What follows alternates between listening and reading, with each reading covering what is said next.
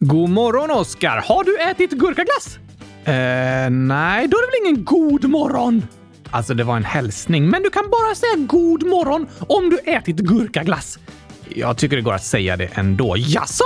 Vad är det du tycker är gott då? Eh, ja, du, eh, det, det jag gör är det sol idag. Det gör det till en god morgon tycker jag, fast inte lika god som med gurkaglass. Nej, fast det behövs ju sol för att gurkorna ska kunna växa. Sant! Då är det en god morgon. Eller hur? Men några som lyssnar kanske lyssnar på kvällen. Ja, då säger vi god kväll till er och god gurkalunch till er som sitter och äter det. Kanske är det någon som äter en gurkalunch, men idag är det ju den 3 april, Oskar. Ja, tack! Vi överlevde lördagen. Ja, vi tog oss förbi alla tokiga aprilskämt i lördags, men idag är en väldigt speciell dag för att det är måndag och ett nytt avsnitt kommer ut. Ja, bland annat därför, men också på grund av en annan anledning. Hmm, jag kommer inte på. Det är vårt första avsnitt i april månad. Just det! Och april är den sista månaden som du inte berättat namnet på i gurkianska kalendern. Det har du rätt i, Gabriel! För er som inte visste det så håller jag på att byta ut namnen på alla månaderna för de är fel. Tycker du? Ja tack! De är verkligen i behov av uppdateringar. Månaderna har fått sina namn från eh, romerska gudar, romerska diktatorer eh, eller fel nummer på latin. Just det, behöver verkligen förbättras. Ja, jag håller faktiskt med dig om det. Samtidigt så tror jag det är svårt att byta namn på månaderna för de är ganska väletablerade över nästan hela jorden. Till och med på olika språk. Ja, tack. Men inom hundratusen år tror jag att den gurkianska kalendern har ersatt den gregorianska kalendern som är den som används i de flesta länder idag.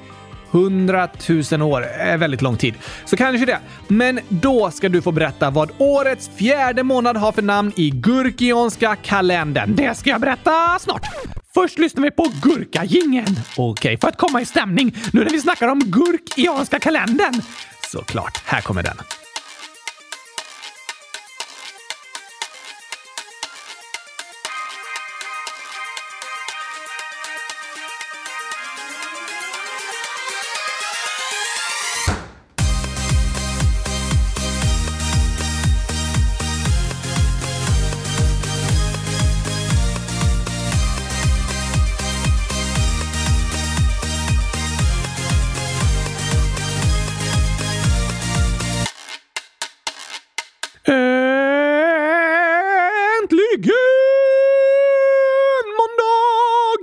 Och äntligen avsnitt 100 350 av Kylskåpsradion. Oh la la! Och äntligen tredje någonting. Månaden heter inte det va? Nej, nej, nej, jag bara sa någonting för att inte berättat namnet än. Ja, vad bra. Men först vill jag veta vad namnet april egentligen betyder. Ja, såklart. Och eh, det är faktiskt inte så tydligt vad april betyder som med de andra månadsnamnen. Nähä? Februari, mars, maj och juni är ju namngivna efter romerska gudar medan juli och augusti är döpta efter romerska kejsare och september, oktober, november och december är latinska siffror. Fast helt fel! Just det, det har vi uppmärksammat många gånger att september heter den sjunde månaden fastän det idag är den nionde månaden och så vidare. Men april då? April är inte lika tydligt var namnet kommer ifrån. Inte? Antagligen är det från latinska ordet aprilis. Var det det romarna sa när de skojade den första april? Nej, aprilis, aprilis! Aprilis är en form av ordet aperire som betyder öppna. Öppna! Just det. Så i april månad är det förbjudet att låsa dörren? Nej, det handlar om med våren. Att jorden öppnar sig när växter börjar gro. Aha! Jorden var liksom stängd, men så öppnas den när en blomma kommer upp ur jorden. Precis. Och knopparna kan också öppna sig och bli till blommor. Det har du rätt i, Oskar. Fast i Sverige i år skulle april snarare heta “försvinn” än “öppna”. Varför det? För att så många säger “försvinn” till snön. ja, sant. Jag vet att ni är många som är väldigt trötta på att det fortfarande är snö och kallt. Även i södra delarna av Sverige. I Norrland är det vanligt att det fortfarande är snö i april. Ja, det är olika från år till år, men vintern är vanligtvis längre i norra Sverige än den är i södra Sverige. Just det. Men så småningom ska nog jorden hinna öppna sig och vi får vår under april månad även i år. Så april betyder öppna. Det är inte helt säkert, men den vanligaste gissningen är att det är därifrån namnet kommer. Ja, händer det något särskilt i april? Eh, ja, alltså de flesta tänker ju på första april. Det är ett speciellt datum. Ja, tack! Sen så är det ofta påsk och påsklov i april. Oh la la! Men inte alltid.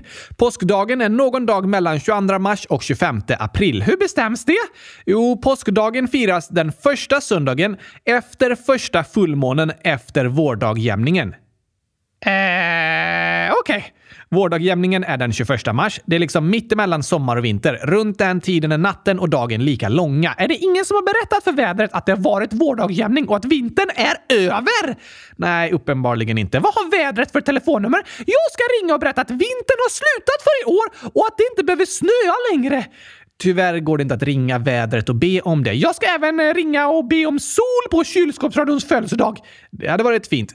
Synd att det inte går att ringa till vädret med sina önskemål. Men i alla fall är det vårdagjämning den 21 mars och sen blir det fullmåne och sen första söndagen efter det är det påskdagen. Så det är olika olika år för att fullmånen är olika datum efter 21 mars.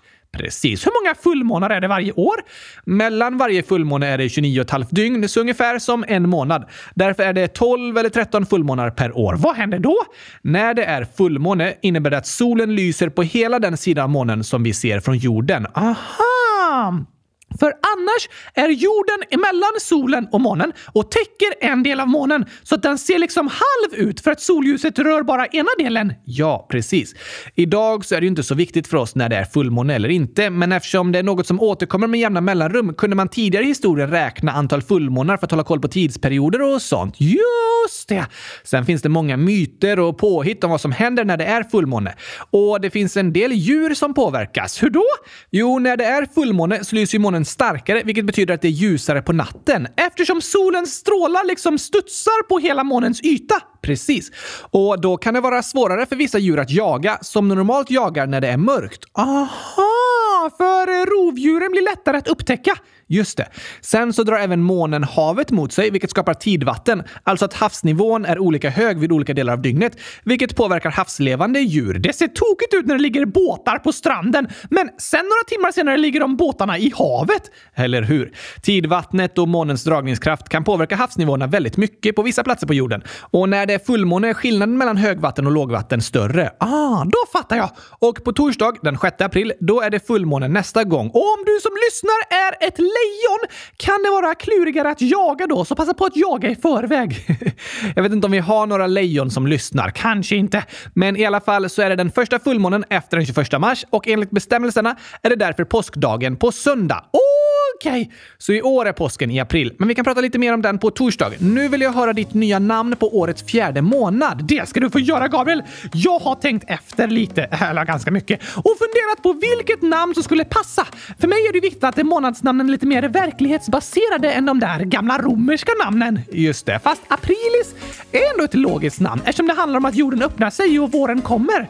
Det mest passande av alla de gamla namnen faktiskt, men jag vill ändå byta ut det bara för att jag kan. Okej, okay. vad byter du till då? Alltså, eh, de nya namnen ska ju låta lite lika de gamla. Ungefär lika långa ord som slutar på samma sätt som med foliember. Precis. Och så handlar namnen om något eh, som liksom är det viktigaste under den månaden. Och om du vill odla gurkor, då kan du så gurkafrön inomhus i april. Aha, det är då odlingssäsongen börjar! Så kan plantorna börja växa i små krukor på fönsterbrädan. Sen i juni, när det inte finns någon risk för frost och det är ungefär 15 grader i jorden, då kan du plantera gurkplantorna utomhus. Så det är så det går till. Ja, tack! Nu får du lära dig av en gurkaodlingsexpert, Gabriel! Ja, verkligen. Så jag sår gurkafrön i små krukor i april och låter dem börja växa på fönsterbrädan. Sen planterar jag ut dem i juni, ungefär. Och eftersom årets fjärde månad därmed är den månad då gurkaodlandet börjar så måste det såklart höras på namnet. Det låter ju passande i den gurkianska kalendern. Därför heter den månad som nyss har inletts inte längre april. Istället har den namnet Plantil! Plantil, för du börjar plantera gurkor. Fast det är ju frön som du sår, inte planterar. Fast det är ju gurkaplantor! Ja, det har du rätt i. Men det heter väl gurkplantor, inte gurkaplantor? Jag säger nästan alltid gurka. Det låter snyggare. Aha, gurkaplanta, gurkamacka, gurkaglass! Just det, det brukar du säga. Och från och med den här tiden på året så kan gurkaplantorna börja växa på fönsterbrädan. Därför är plantill ett helt perfekt namn på årets fjärde månad i den gurkianska kalendern. Ja, men det håller jag faktiskt med om. Snyggt jobbat, Oskar. Och då, efter ett helt år fyllt av spänning, så har jag till slut presenterat alla namnen i den nya förbättrade gurkianska kalendern. Ja, eh, de här nya namnen har ju varit en följetong här i podden under det senaste året. Ja, tack! Och vi har fått ett förslag från Elise, 13 år, som skriver Hej! Kan ni göra en sång med alla månaderna i den gurkianska kalendern när ni är klara? Åh, vilken bra idé! Eller hur? Det tycker jag också. Sånger är ett bra sätt att lära sig namn på och komma ihåg saker. Verkligen. Om du behöver memorera något så är det ett bra tips att skriva en sång om det du måste komma ihåg. Och eftersom gurkianska kalendern är en uppdatering av den gamla gregorianska kalendern tänker jag att det är på sin plats att även uppdatera den gamla sången om månaderna. Ja, ah, du menar den som är till melodin av Beethovens nionde symfoni? Nej, jag menar melodin till sången om månaderna. Ja, fast det är en gammal melodi som Beethoven skrev redan år 1824. Den är väldigt, väldigt känd och används som Europahymn och har varit nationalsång i flera länder under olika perioder. Fast jag kallar den för månadssången. Du menar sista versen ur visan om solen, månen och planeterna? Ja, det kanske det är, men liksom ingen som förstår om du kallar den det. Ibland är det bättre att säga det som alla faktiskt fattar, som månadssången eller januari börjar året. Ja, jo, eh, sant. Och nu har jag uppdaterat och skrivit om texten till den sången. Spännande. Det här är den gurkianska kalendern.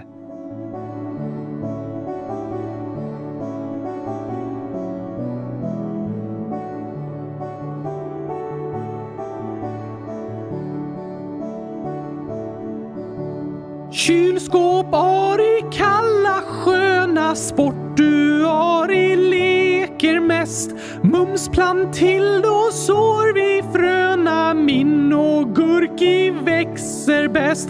Cyklibactus back och centum milliamber Åh, vad vi skördar gurkor då Åh, i längst ober foliember och ljusember mumsar på. Har du lärt dig texten nu, Gabriel? Ja, men jag tror jag hänger med. Jag kan ju månadsnamnen. Ja tack, sjung med då! Okej, okay, ja, vi kan testa att sjunga tillsammans. Det låter otroligt. Ja, men vi kan klippa ihop det sen. Ah, jag fattar. Då kör vi! Kylskåp i kalla sköna sport sportuari leker mest. Mums till och sår vi fröna min och gurki växer bäst. Cykli back to school och centum milliamber och vad vi skördar gurkor då. Och i längst ober foliember och ljusember mumsar på.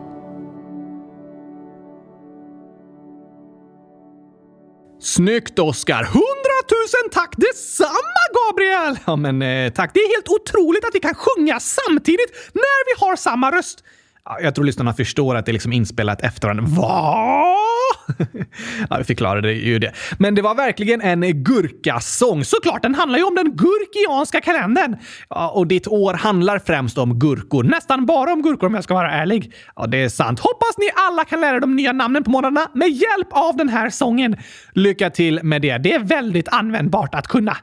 Ja, det vet jag egentligen inte. Det är bara här i podden som de namnen används. Snart kommer de användas över hela jorden! Vi får se med det. Men nu har vi alla namnen i alla fall. Kylskåpari, för det är kallt som ett kylskåp. Sportuari, för då är det sportlov. Mums, för det är glassens dag. Plantill, när det är dags att så frön till gurkaplantorna. Min månad, som är en översättning av maj på engelska. He-gurki, då gurkorna växer och går att börja skörda. Cykli, när vi är ute och cyklar i sommarvärmen. Back to school när sommarlovet är slut. Centum milliamber, som är den hundratusende månaden. Längstober, som är årets längsta månad eftersom klockan vrids bak en timma.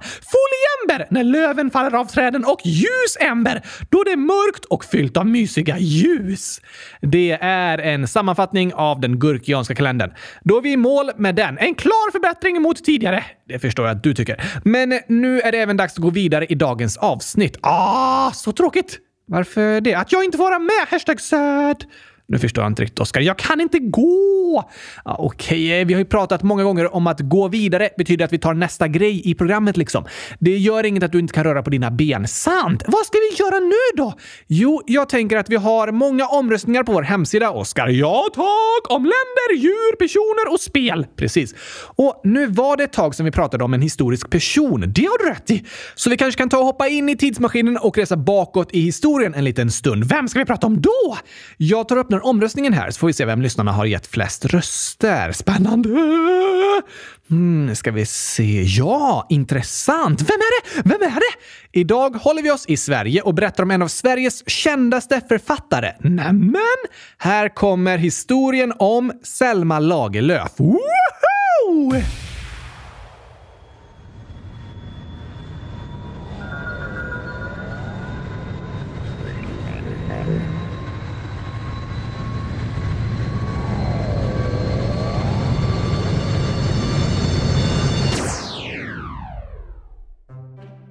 Vi har rest tillbaka till år 1858. Över 150 år sedan! Precis, då såg Sverige väldigt annorlunda ut. Det gjorde det verkligen. Det är nästan svårt för oss idag att förstå hur samhället såg ut för 150 år sedan. Hur många bodde det i Sverige då? 3,5 miljoner invånare, så en tredjedel av dagens befolkning. Det är ganska många ändå. Ja, det är det. Sverige har inte haft en så extremt snabb befolkningsökning som en del andra länder har eller har haft, utan det har ökat ganska jämnt under ett par hundra år, även om det är mycket som har förändrats och som har hänt. Okej, okay. fanns det elektricitet på 1850-talet? Elektricitet är ju ett fysiskt fenomen som alltid funnits. Till exempel finns det ju elektricitet i en blixt. Ja, just det! Men jag gissar att du menar möjligheten att använda elektricitet som en energikälla till lampor och maskiner och sånt. Ja, precis! Och eh, nej, på 1850-talet fanns det inte elektricitet i de svenska hemmen. Men det var just elektriciteten som skulle revolutionera 1800-talet och driva industrialiseringen framåt. Glödlampan uppfanns och på 1860-talet så visades de första glödlamporna upp i Sverige på slottet och på teatrar. Mängder av människor samlades för att få se det nya elektriska ljuset. Samlades människor för att kolla på typ en gatlykta? Ja, ungefär. Det var första gången de fick se en glödlampa som började lysa med hjälp av elektricitet. Alltså, gatlyktor är ju bra att ha, men det är inte så många som står och kollar på dem idag och tycker de är helt otroligt häftiga. Nej, saker har förändrats på 150 år. Men hur såg människor något på kvällarna innan de hade glödlampor? Under 1800-talet så användes främst gasljus och fotogenlampor som ljuskällor i Sverige. De var också ganska nyss uppfunna. Aha! Så typ som en liten eld som brinner av gas eller fotogen? Ja, precis. Men skyddad under glas ofta, så det inte blir lika brandfarligt som levande ljus. Smart! Absolut. Och även om glödlampor lyser upp hela Sverige idag så finns det fortfarande många människor på jorden som inte har tillgång till elektricitet i sina hem och använder stearinljus eller olika slags lyktor som ljuskällor. Aha! Det beräknas att 940 miljoner människor på jorden lever utan tillgång till elektricitet. Lägst tillgång är det i centrala Afrika, där det särskilt är krig och konflikter som gjort att eltillgången inte utvecklats. Till exempel i världens yngsta land, Sydsudan. Vadå yngsta? Alltså, det grundades år 2011 då Sydsudan bröt sig ut från landet Sudan. Aha!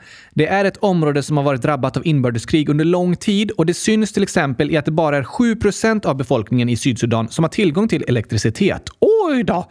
Sen kommer Chad med 11% Burundi med 12% och Malawi med 15 det är en väldigt liten del av befolkningen. Ja, det är det. Så därför ser samhället i de länderna väldigt annorlunda ut mot hur samhället i till exempel Sverige ser ut. Men det som är intressant i många afrikanska länder är att det är många fler som har tillgång till mobiltelefoner än som har tillgång till elektricitet. Aha, för att de drivs av batterier! Just det. Så även om det inte går att ladda mobiltelefonen i ett vägguttag i sitt hem går det fortfarande att ha en telefon. Det blir också vanligare och vanligare med små solceller som räcker till att driva glödlampor och ladda telefoner. Det är lättare att skaffa sig en solcell och ett laddningsbart batteri än att få elledningar dragna till sitt hus. Det har du rätt i! Och av länderna utanför Afrika är det Haiti och Nordkorea som har lägst tillgång till elektricitet. Ungefär hälften av befolkningen i de länderna. Okej, okay. men det var under 1880-talet som fler och fler i Sverige fick glödlampor som drevs av elektricitet. Det var främst det elektricitet användes till på den tiden. Hade de inga Playstation? Uh, nej, de hade inga tv-apparater. Okej, okay, så de använde Nintendo Switch och sånt? Oskar, det fanns inte Nintendo Switch på 1800-talet. Hade de Gameboys? Det var länge sedan. Gameboys hade vi i slutet av 1900-talet när jag växte upp. Oj då. Det fanns inga skärmar av något slag på 1800-talet. Det kom senare. Det första människor använde elektricitet till var glödlampor. Okej, okay. på tal om det Gabriel så måste vi ladda datorn vi spelar in podden med. Oj, oj, oj, det har du rätt i. Jag ska se. Bäst jag sätter i sladden här. Nu, nu är det bättre. Alltså, det är verkligen coolt att det går att sätta i en sladd i ett hål i väggen och så kommer det elektricitet där som kan driva datorer och lampor och tv och kyl! Kylskåp! Eller hur? Vi tar det ofta för givet och glömmer bort hur otroligt häftigt det egentligen är. Men det hade inte Selma Lagerlöf när hon föddes. Nej, det hade hon inte. Hon föddes nämligen den 20 november år 1858 på herrgården Mårbacka i Värmland. Värmland ligger i västra Sverige, ovanför Värnen och ut med gränsen till Norge. Helt rätt, Oskar. Du har koll på din svenska geografi. Jag har trots allt gått i trean 12 gånger, så lite har jag hunnit lära mig. Bra jobbat. När Selma föddes var hon det femte barnet i familjen och hon skulle även få ett småsyskon, så de var sex barn. Ja, var det vanligare att få många barn på 1800-talet? Det var det. Några av de främsta skillnaderna idag jämfört med hur det var på 1850-talet är hur många barn som föds, hur många barn som överlever och hur gamla människor blir. Aha! I början av 1800-talet så dog var tredje barn som föddes före de fyllde fem år. Va? Det är otroligt stor skillnad mot hur det är idag. Barnadödligheten i Sverige har på 200 år minskat från 38 procent till 0,2 procent. Det är fantastiskt! Verkligen. Och det påverkar också hur många barn som föds. När Selma Lagerlöf föddes för 150 år sedan föddes det i varje familj i genomsnitt 4,6 barn. Vadå 4,6? Vilket barn var 60 procent människa? Alltså, det är genomsnitt. Ja, ah, just det. Om en familj får fyra barn och en annan man eh, fem barn så får de ju i genomsnitt 9 delat på två barn, alltså 4,5 barn. Ah, men det betyder inte att det är ett halvt barn i någon av familjerna. Nej, det betyder inte. Jag ville bara förtydliga det. Tack för förtydligandet, Oskar. Men idag föds det i genomsnitt 1,8 barn per familj i Sverige. Så när fler barn överlever så föds det färre barn per familj. Precis, det är ju ganska logisk utveckling. Det håller jag med om. Men när fler och fler barn överlever så tar det liksom ett tag tills antalet födslar per familj minskar. Så under en period föds det många barn och de flesta överlever. Ja, och det är under de perioderna som befolkningen i ett land ökar väldigt fort. Det är det som händer i till exempel många afrikanska länder idag som gör att befolkningarna ökar superduper fort. För barnadödligheten har minskat mycket, men det föds fortfarande många barn per familj. Ah! Men enligt statistik och forskning inom demografi, som det kallas, så kommer det ändras ganska snart. För när sjukvården utvecklas och människor lever under bättre ekonomiska förutsättningar så väljer föräldrar att föda färre barn eftersom barnadödligheten är låg. Så den stora befolkningsökningen kommer inte fortsätta lika snabbt. Nej. Enligt beräkningarna kommer världens befolkning öka tills vi är ungefär 11 miljarder människor. Det beror på att människor lever längre och att det i världen idag är en stor grupp människor som är under 18 år, särskilt i Asien och Afrika. Så när hela den stora gruppen blir gammal kommer det vara fler människor som är gamla än det är idag.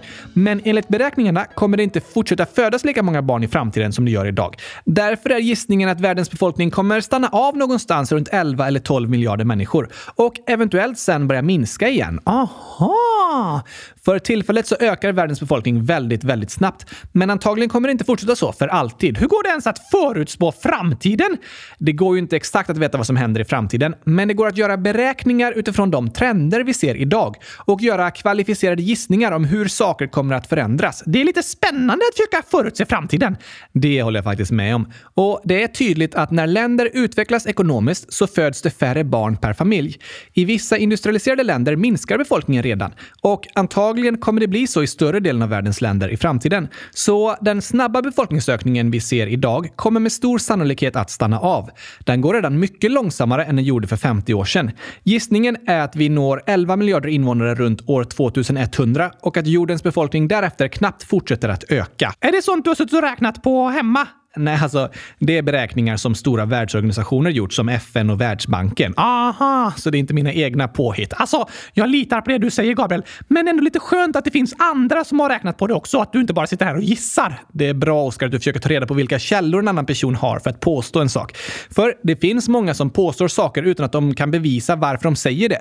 Det är bara påhitt, utan någon forskning eller statistik som bevisar det de säger. Just det! Det är bra att vara källkritisk. Det är något väldigt viktigt, så det var en bra fråga du istället. Men nu när vi vet lite mer om hur samhället såg ut i Sverige på 1800-talet tycker jag att vi fokuserar mer på själva berättelsen om Selma Lagerlöf.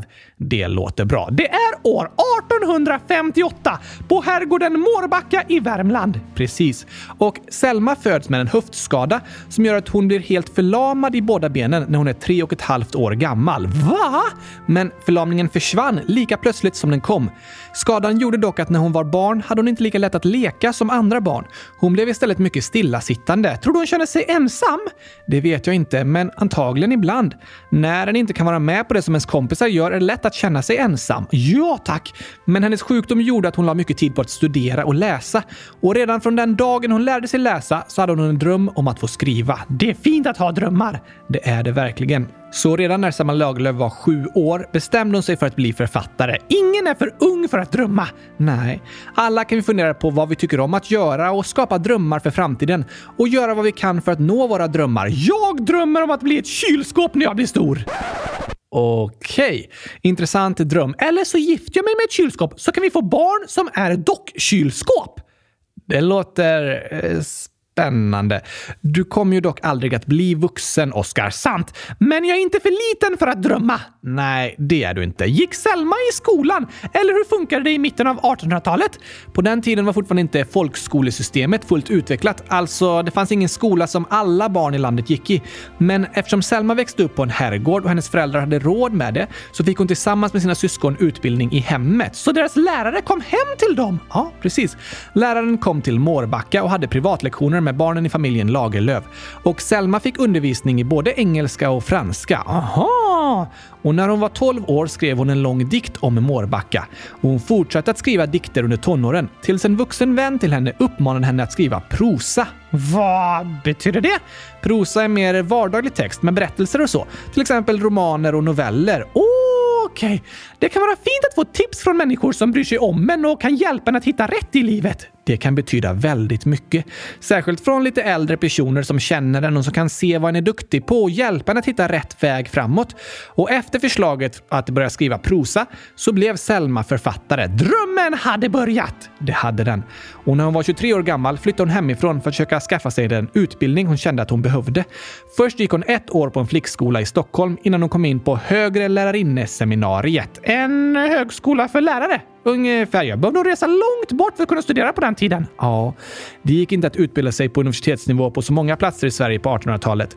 Men Selma studerade i tre år för att bli lärare och när hon var 27 år så började hon jobba i Landskrona där hon bodde tillsammans med sin faster. Hon hoppades kunna vara författare på samma gång, men jobbet som lärare tog mycket tid. Lärare kämpar väldigt hårt. Det gör de ofta. Så hon ville nå sin dröm, men lyckades inte riktigt. Nej, men hon fortsatte att drömma. Hon jobbade på skolan i Landskrona i tio år och var väldigt uppskattad av eleverna.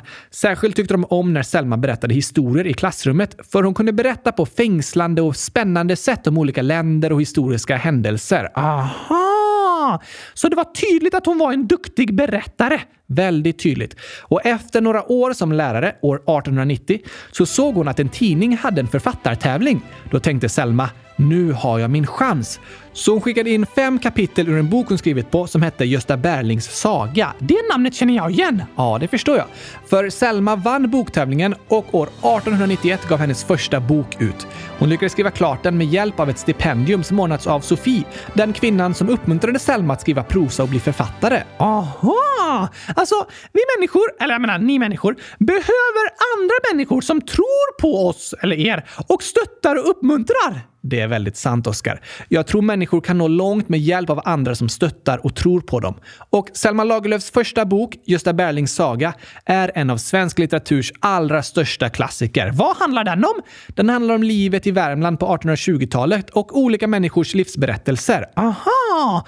Så den är nästan som en levande historiebok som ger människor idag en förståelse för hur människor hade det för 200 år sedan. Det kan man säga. Det är en väldigt populär bok som översatts till 50 olika språk Wow! Och fyra år efter den första boksuccén slutade Selma att jobba som lärarinna och började helt fokusera på yrket som författare. Hon hade nått sin dröm som hon hade redan som sjuåring. Det hade hon. Hon flyttade tillsammans med sin faster till Falun för att vara närmare sin syster. Fortsatte hon skriva böcker? Ja, hon reste långa resor i Europa och även till Mellanöstern. Och efter en av de långa resorna skrev hon en bok som fick namnet Jerusalem som blev hennes första stora internationella genombrott. Wow! Men den kända kändaste internationella boken hade hon ännu inte skrivit. Det var en bok som beställdes av folkskolan för att användas som läsebok av eleverna så att de skulle kunna lära sig Sveriges geografi. Så då skrev Selma Nils Holgerssons underbara resa genom Sverige, där 14-åriga Nils Holgersson flyger på en gåsrygg över hela landet. Det låter som en lite roligare lärobok än bara fakta om de olika regionerna. Eller hur? Med hjälp av spännande berättelser så lärde sig läsarna av Selmas böcker väldigt mycket och boken om Nils Holgersson har översatts till över 60 olika språk. Så människor från andra länder har också lärt sig om Sveriges geografi? Ja, exakt. Och vid den här tiden så var Selma Lagerlöf en väldigt populär och uppskattad författare. Så populär att hon år 1909 fick Nobelpriset i litteratur. Äntligen! Det var det många som ropade, för hon hade varit favorit till priset i många år, men ordföranden för Svenska Akademin, som hette Karl, hade vägrat ge henne priset. Men år 1909 var det en stor majoritet av ledamöterna som ville ge henne priset och då blev Selma den första kvinnan och den första svensken att få Nobelpriset i litteratur. Wow! Den första kvinnan inom alla kategorier att få Nobelpriset, Marie Sklodowska-Curie, har vi ju faktiskt också berättat om i ett poddavsnitt. Nummer 100 042! Precis, det kan ni också lyssna på om ni tycker det är spännande med berättelser om historiska personer. Ja, tack! Men med prispengarna för Nobelpriset så valde Selma Lagerlöf att köpa tillbaka sin barndomsgård Mårbacka. Första byggnaden hade hon köpt redan året innan, men nu kunde hon köpa hela gården igen. Hade familjen inte kvar den? Nej, de hade drabbats av ekonomiska svårigheter och tvingats sälja den under samma period som Selma gick på lärarutbildningen. Men nu kunde Selma köpa tillbaka gården och flytta hem igen. Det kändes nog bra. Det tror jag. Det är alltid en speciell känsla att få komma hem till den plats där har växt upp. Det har du rätt i. Och Selma hade sitt arbetsrum på Mårbacka under resten av sitt liv. Hon bodde där tills hon dog år 1940, 81 år gammal. Men innan dess skulle hon även hinna bli den första kvinnan som valdes in i Svenska Akademin och den första kvinnliga hedersdoktorn som hon blev vid Uppsala universitet. Väldigt välförtjänt tycker jag! Och verkligen på tiden! Verkligen. Och Selma var väldigt politiskt engagerad i kampen för kvinnlig rösträtt. Hon talade på den internationella rösträttskongressen i Stockholm år 1911 och även vid segerfesten år 1919 när allmän och lika rösträtt hade införts i Sverige. Så hon vann Nobelpriset i litteratur innan kvinnor hade rätt att rösta i Sverige. Ja, så var det. Selma var en viktig förebild för många och en internationellt känd representant för Sverige. Och hon har hedrats på många olika sätt, bland annat genom statyer på olika platser i landet. Och en av planeten Venus större kratrar har också fått namnet Lagerlöf och det finns en asteroid uppkallad efter henne som heter 11061 Lagerlöf. Coolt! Ja.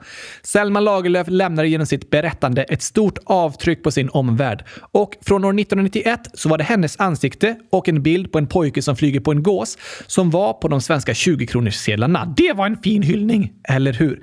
Men sen år 2016 då ersattes hon av en annan kvinnlig författare som kom efter henne, nämligen Astrid Lindgren. Henne har vi också pratat om! Ja, det har vi. I historiekalendern som spelades in i december år 2021. För att lättare hitta avsnittet i de olika julkalendrarna kan ni även gå in på vår hemsida www.kylskåpsradion.se och trycka på podd i menyn och sen välja vilken kalender ni vill lyssna på. Det kan ibland vara lättare än att scrolla bakåt i det långa poddflödet eftersom vi har gjort över 450 avsnitt, så det är ganska många att scrolla igenom. Det är sant. Det är bra tips. På hemsidan är det lite lättare att hitta de olika avsnitten, men alla finns ju i den långa listan i poddapparna, till exempel på Spotify. Ja, tack! Där finns det många berättelser om historiska personer att lyssna på. Det gör det. Lyssna gärna på de berättelserna. Det var spännande att lära sig mer om eh, Selma Lagerlöf. Kul att du tyckte det. Det tyckte jag också. Kanske att ni lyssnare har fått höra om henne i skolan eller till och med läst lite ur någon av hennes böcker. Just det! I alla fall var det många lyssnare som var intresserade att få lära sig om Selma Lagerlöf eftersom hon hade fått flest röster av alla. Sant. Tack till alla er som har röstat. Hundratusen tack! Fortsätt gärna att gå in på hemsidan och rösta på länder, djur, historiska personer och spel så ska vi fortsätta att prata om det. Det kommer vi att göra. Men nu tar vi några skämt. Det låter bra tycker jag.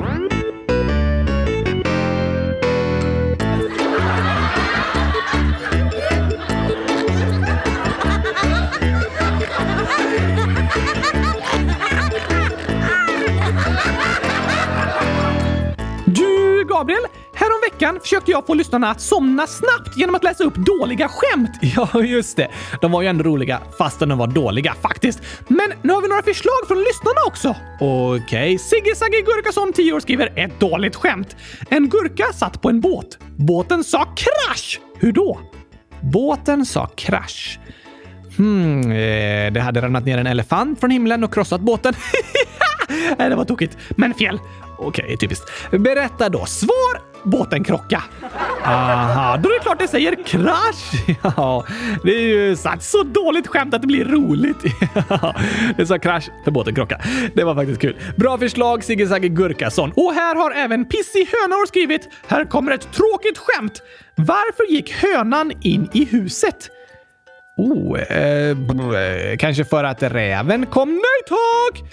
Då får du berätta. För att han behövde gå på toaletten. Ah. Alltså, det är tokigt när dåliga skämt inte har någon fyndig ordvits eller någonting i sig. De bara säger som det är. Faktiskt. Men tror du hönor bryr sig om var de bajsar någonstans? Det är en bra fråga faktiskt. Eh, de har ju inga toaletter att gå och sätta sig på, utan de bajsar ju där de går runt. Och jag tror inte de har någon särskild tanke alls med var de bajsar. Skönt att inte behöva gå till en toalett för att bajsa, utan bara bajsa var som helst. Ja, eh, kanske det, fast väldigt mycket att städa sen. Sant! Toaletter är faktiskt geniala uppfinningar. Det håller jag verkligen med om. Att det finns rör överallt som gör att kiss och bajs flyttas från hus och lägenheter på ett fräscht sätt så att inte städerna blir helt stinkande och smutsiga. Det är ett helt fantastiskt system. Det håller jag faktiskt med om. Och ett skämt på det här området är skrivet av Leo, 6 år. Hej! Jag har skrivit för länge, länge, länge sedan. Jag heter Leo och är 6 år. Förra gången jag skrev var jag 5 år. Jag älskar chokladglass, men jag har aldrig ätit gurkaglass. Hej då! PS. Oskar får inte höra. Då håller jag för dina öron här. Här kommer ett tips om hur du ska få Oskar att bada. Fyll ett badkar och häll i grön karamellfärg och säg att det är gurkaglass. Va? Va? Va? Vad sa du? Vad sa du? Jag sa vad sa du? Eh, du får ju inte höra. Varför inte? Det var ett tokigt tips på... Eh, på vadå? Det är det jag inte får säga. Ah, varför har jag bara bomullsöron? Jag vill höra! Jobbigt ibland. Men sen skriver Leo. PPS. Varför kommer inte fisken framåt? Fisken? Mm. Eh, det var Doris som hade glömt bort åt vilket håll hon simmade, så hon simmade bakåt och kom inte framåt. Intressant förklaring, men tyvärr fel. Okej, okay. då kan jag inte komma på rätt svar. Leo skriver för att den fastnat i en toalett. Hej då!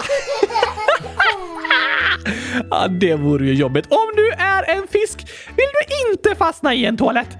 Nej, verkligen inte. Hur kissar och bajsar fiskar ens? De har kloaker precis som vi. Har du kloaker? Alltså, det kallas de hålen på kroppen som vi kissar och bajsar ur. Eh, det har jag aldrig kallat dem. Nej, men alltså rent vetenskapligt kallas de för det. Ja, ja, du fattar. Men fiskar har bara ett hål för att både kissa och bajsa. Deras kroppar är lite mer effektiviserade än ni människor. Ja, så skulle man kunna säga. Fast det finns vissa arter som bajsar genom det hålet och kissar genom munnen. Som gör vad då? Kissar de med munnen? Eh, ja, tydligen. Men det där med att kissa blir ju lite annorlunda för fiskar eftersom de liksom andas vatten genom gälarna. Sant! Så de får i sig jättemycket vatten. Ja, och de måste ständigt kissa för att inte drunkna. Uh, Okej, okay. låter tokigt att tänka att en fisk kan drunkna. Ja, men den får inte ha för mycket vatten i sig. Så när fiskar kissar genom munnen är det nästan som att de andas ut vatten som de andats in. Ja, nästan.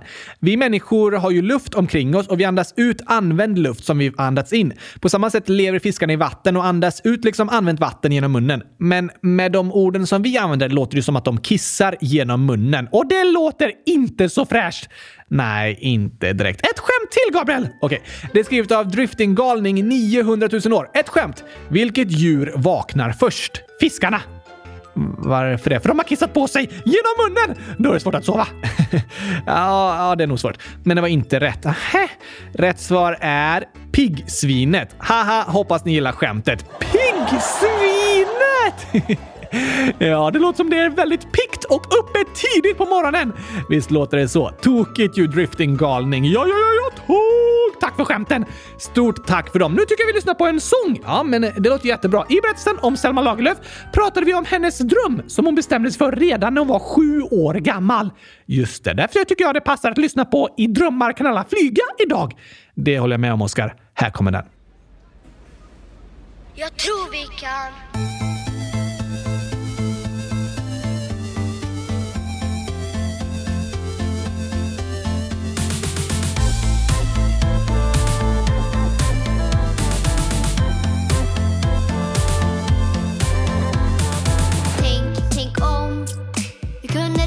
klimatet. Tänk, tänk om. Vi hade inga djur mer i maten. Tänk, tänk om. Jag accepterar så som jag är. Tänk, tänk om. Jag blir en tandlopp och en konstnär. Jag drömmer om att alla får en katt med gosig päls. Alla borde ha det gosigt. Jag drömmer om en plats där jag får vara mig själv. Det kanske låter otroligt, men på att i drömmar kan alla fly.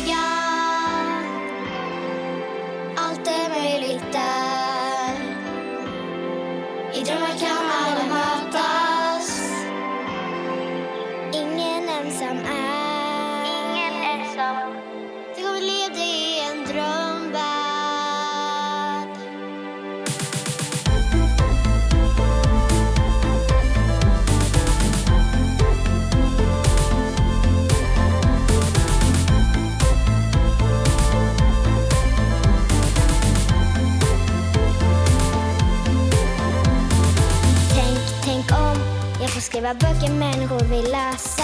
Tänk, tänk om vi hittar nya sätt att kunna resa. Tänk, tänk om jag blir polis som får hjälpa andra. Tänk, tänk om ingen längre från krig behöver vandra. Jag drömmer om att bli en ambulansförare och om att få bada. Jag drömmer om att alla ska få ha en lärare. Och människor ska vara smarta. I drömmar kan alla flyga.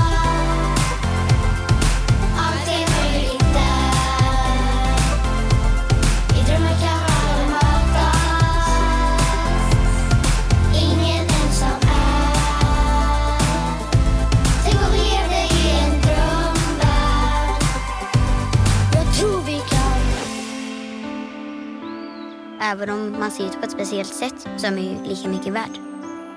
Det är trappor ner till gympasalen. Det tycker jag är lite dåligt. Ja, jag är vegetarian. För att jag tycker synd om djuren. Det är som att de inte har tänkt på så här, ja men här börjar vi med rullstol liksom. Jag älskar att dansa. Man får röra på sig och man släpper tankarna och ja, allt. Man får inte sig lika mycket lön som killar. Om man inte tänker på klimatet så tänker man inte på oss själva. För det är ju farligt för oss också. Och alla är ju ändå innerst inne ganska lika. Två dagar i veckan borde vi typ äta lite mer grönsaker istället för kött. Det är jättemycket krig och så just där de bor. Så kanske de kommer till exempel till Sverige och så säger de att de inte kan komma in i landet när det är barnets bästa. Lagar är liksom till för att följas, men eh, det blir inte alls så. I drömmar kan alla flyga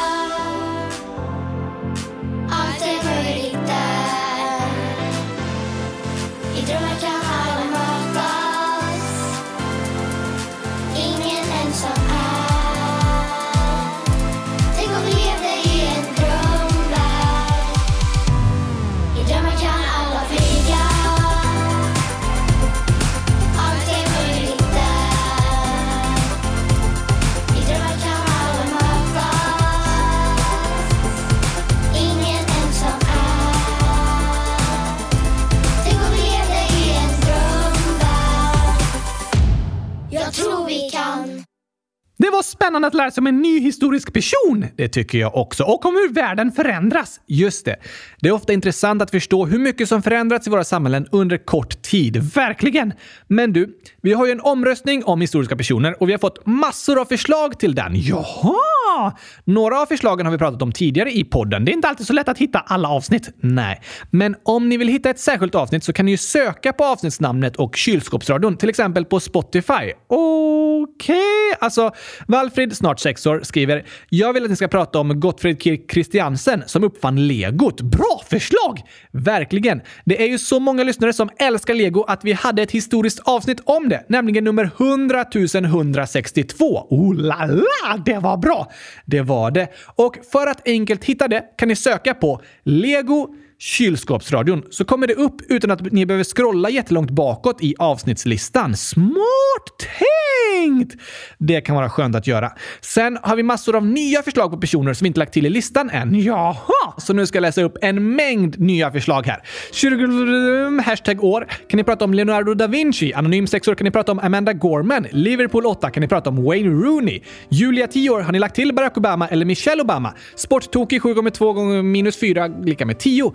Kan ni prata om när australiensaren Steven Bradbury hade maximal tur i OS 2022? PS hur många emojis och så är det 465 stycken. Bror Kurtsson, Brolle 7 år. Kan ni inte prata om Marcus Notch? Snälla! Assos Totroridod 11 år. Historisk person förslag till omröstningen. Elin Wägner, Marsha P Johnson, Rosa Parks, Katja Kraft, Ruth Bader Ginsburg och Celia Cruz. Katten 7 kattor. Kan ni prata om Messi? PS. Gissa vilka mina favoritfotbollsspelare är. Här är några ledtrådar. En av dem börjar på M, den andra börjar på N och den sista börjar på M. Och gissa vad mitt favoritfotbollslag är? Jag gissar på M, M, Messi, Neymar, Mbappé och PSG. Och svaret står PPS. Mina favoritfotbollsspelare är Messi och den andra är Neymar och den sista är Mbappé och mitt favoritfotbollslag är PSG. Ja, jag är ju duktig på fotboll plötsligt. du lånar lite expertis av mig där. Sant. Tack så mycket. Svante, hundis, 6 år. Kan jag göra ett avsnitt om Usain Bolt? PS hur många emojis? Och så 1304 stycken. Evert är bäst, 8 år skriver. Kan ni prata om Haile? Jag skrev med näsan. Wow, imponerande!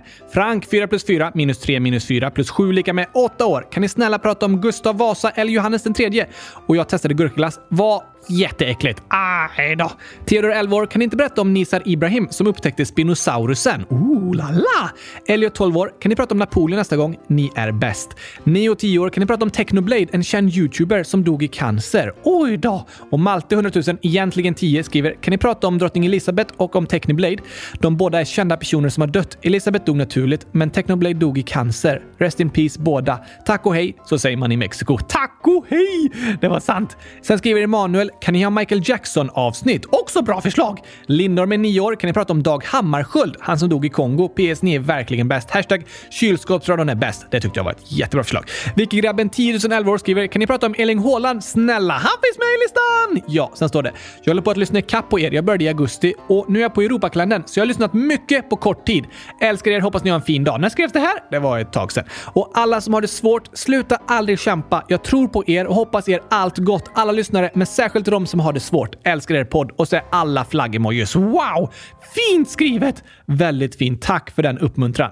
Gurka, 100 år. Kan ni prata om Cristiano Ronaldo? Hur många frågetecken? Och så är det 2104 stycken. Wow! Ken Block fan 43, parentes 10 år. Kan ni prata om Ken Block, please? Han var min favoritförare. Och Nalle, 800 000. Kan ni lägga till Alexander den store och Mongoliet? Och Lolovova, 1 plus 1 minus 2 plus 1 plus 1 plus 1 lika med 100 000! Ungefär. Hej! Kan ni prata om Genghis Khan? Ni kanske redan gjort det och jag har inte lyssnat ikapp alla, men började någon gång i somras och har inte så många kvar nu. Ni är bäst. Gurka plus glass lika med kärlek. Det är faktiskt så. Och så gurka plus hjärta lika med grönt hjärta. Mm, också kärlek. PS. I Star Stable finns en person som heter Nick Stoneground, en AI, som har ett magiskt kylskåp. What? Ett magiskt kylskåp. Det gillar du, Oskar. Nej, det älskar jag. Just det. Och jag älskar också förslaget att prata om Mongoliet! Såklart mitt favoritland! Det är det. Alfred, 10 år, skriver kan ni prata om Kylian Mbappé? Och Leo, 12 år, skriver kan ni prata om Neymar Junior? Hur många emojis är det? Och så är det 1913 stycken. Fotbollsspelare är väldigt populära. Ja, det finns många fotbollsälskare som lyssnar på podden. Jag skulle gärna prata om världens kändaste gurkakastare också. Det är väl du? Ja tack! Jag pratar gärna om mig själv. det vet vi. Sen skriver historienörden 110 000 år. Kan ni prata om flickan som överlevde 11 dagar i djungeln ensam när hon kraschat med ett flyg? Oj då! Bra förslag, historienörden. När flygkraschen skedde hette hon Julian Diller. Nu heter hon Kopke i efternamn. Så jag skriver Julian Kopke i listan, men i parentes skriver jag 11 dagar i djungeln så ni vet vem jag menar. Vilken djungel? Det var långt inne i Amazonas regnskog. Oj då! Så gå gärna in och rösta på den om ni vill höra mer. Spännande! Verkligen. Sen önskar 10-8 år så här. Kan ni prata om Albert Einstein i podden? Det är ett populärt förslag! Så populärt att Einstein vann omröstningen och vi pratar om honom i historiekalendern. Just det. Det lättaste är att söka på Einstein kylskåpsradion för att hitta det avsnittet. Sen skriver Nelia 100 000 miljoner år. Hejsan! Jag undrar om ni kan göra ett avsnitt som handlar om Astrid Lindgren. Vem är det här? Och sen några emojis som du får se här, Oskar. Eh, jag tror Pippi Långstrump! Det var rätt. Orange hår, en apa, en häst, guldpengar och en stark arm. Bra ledtrådar! Och Astrid Lindgren pratade vi också om i historiekalendern, så sök gärna på det avsnittet också. Många bra tips idag! Verkligen. Och nu har vi då äntligen uppdaterat omröstningen med historiska personer på hemsidan. Tack för alla förslag ni har skrivit. Det var många. Verkligen! Gå in och rösta på vår hemsida www.kylskåpsradion.se. Gör det, så får vi se när vi pratar om en historisk person nästa gång. Kanske imorgon? Eh, det kommer inget avsnitt imorgon. Nej, just det. Men alltså, jag kommer prata om mig själv och jag är historiskt bra! Absolut. Alla är vi historiska personer. Varje människa förtjänar att få ett avsnitt om sig, för alla har en spännande berättelse. Det håller jag med om, Oskar. Det är alltid spännande att få höra andra människors berättelser. Sen hinner vi ju inte här i podden prata om alla människor som någonsin har levt, men vi hoppas kunna prata om människor från olika delar av världen och olika tider i historien som då blir representanter för många människors berättelser. Just det! Hoppas ni lyssnare också tycker det är spännande att få höra de berättelserna. Det tror jag! Och med det så ska vi avsluta för idag. Men först några födelsedagshälsningar! Såklart. Felicia och Sigge skriver “Vi vill hälsa grattis till våran kusin Edvin som fyller åtta år den 2 april. Kramar från kusinerna.” Woho! Gratis på födelsedagen Edvin! Stort grattis till dig! Hoppas du får världens bästa åttaårsdag med en hundratusen meter stor gurkaglasstårta. Det vore galet. Om du menar galet gott så håller jag med. Jag menar galet. Vi önskar dig en fantastiskt fin födelsedag Edvin med mycket skratt och glädje. Ja tack! Ha det bäst i test. Sen skriver Sixten 8 snart 9. Jag fyller år den 3 april. Det här är första gången jag lyssnar på er. Här är mina frågor. Gabriel, du kan ju tvinga Oskar att äta choklad eftersom du styr honom. Och jag är sugen på gurkaglass. Hitta felet och så en massa gurkor och ett päron i mitten. Hejsan svejsan! Jag är också sugen på gurkaglass Sixten! Det är du. Och från och med idag är vi lika gamla! Just det. Välkommen till oss nioåringar Sixten och hundratusen grattis på födelsedagen! Stort grattis till dig! Men alltså, även om du styr mig Gabriel så är det inte snällt att tvinga mig att äta choklad. Nej, det vore inte så snällt. Med stor makt kommer ett stort ansvar. Kom ihåg det! Sant, så du får inte missbruka din makt och tvinga mig att göra något jag inte vill. Det ska jag inte göra, Oskar. Men eh, alltså, jag har ju även makt över vad du tycker och känner, så jag kan ju ändra så att du tycker om choklad. Då tvingar jag dig ju inte att äta det på ett hemskt sätt. Tokigt va? Men jag vill tycka om gurkaglass. Det får du gärna göra. Oh, Okej. Men andra får såklart tycka om choklad om de vill. Absolut. Men jag hoppas du får äta gurkaglass på din födelsedag idag Sixten! Om du är sugen på det så hoppas vi det. I alla fall så hoppas vi du får en superbra dag och det önskar vi till alla er som lyssnar. Verkligen. Ha det bäst i test. Ha ett fint lov alla ni som har påsklov redan! Just det, och håll ut säger vi till er som får lov på fredag. Precis. Vi hörs ju igen på torsdag dock. Då ska vi prata mer om påsken och svara på era frågor. Yes, yes, yes, yes, yes! Thanks! Jag längtar redan. Jag också. Ha det bäst tills dess. Tack och hej! Gurkapastej! Hej då!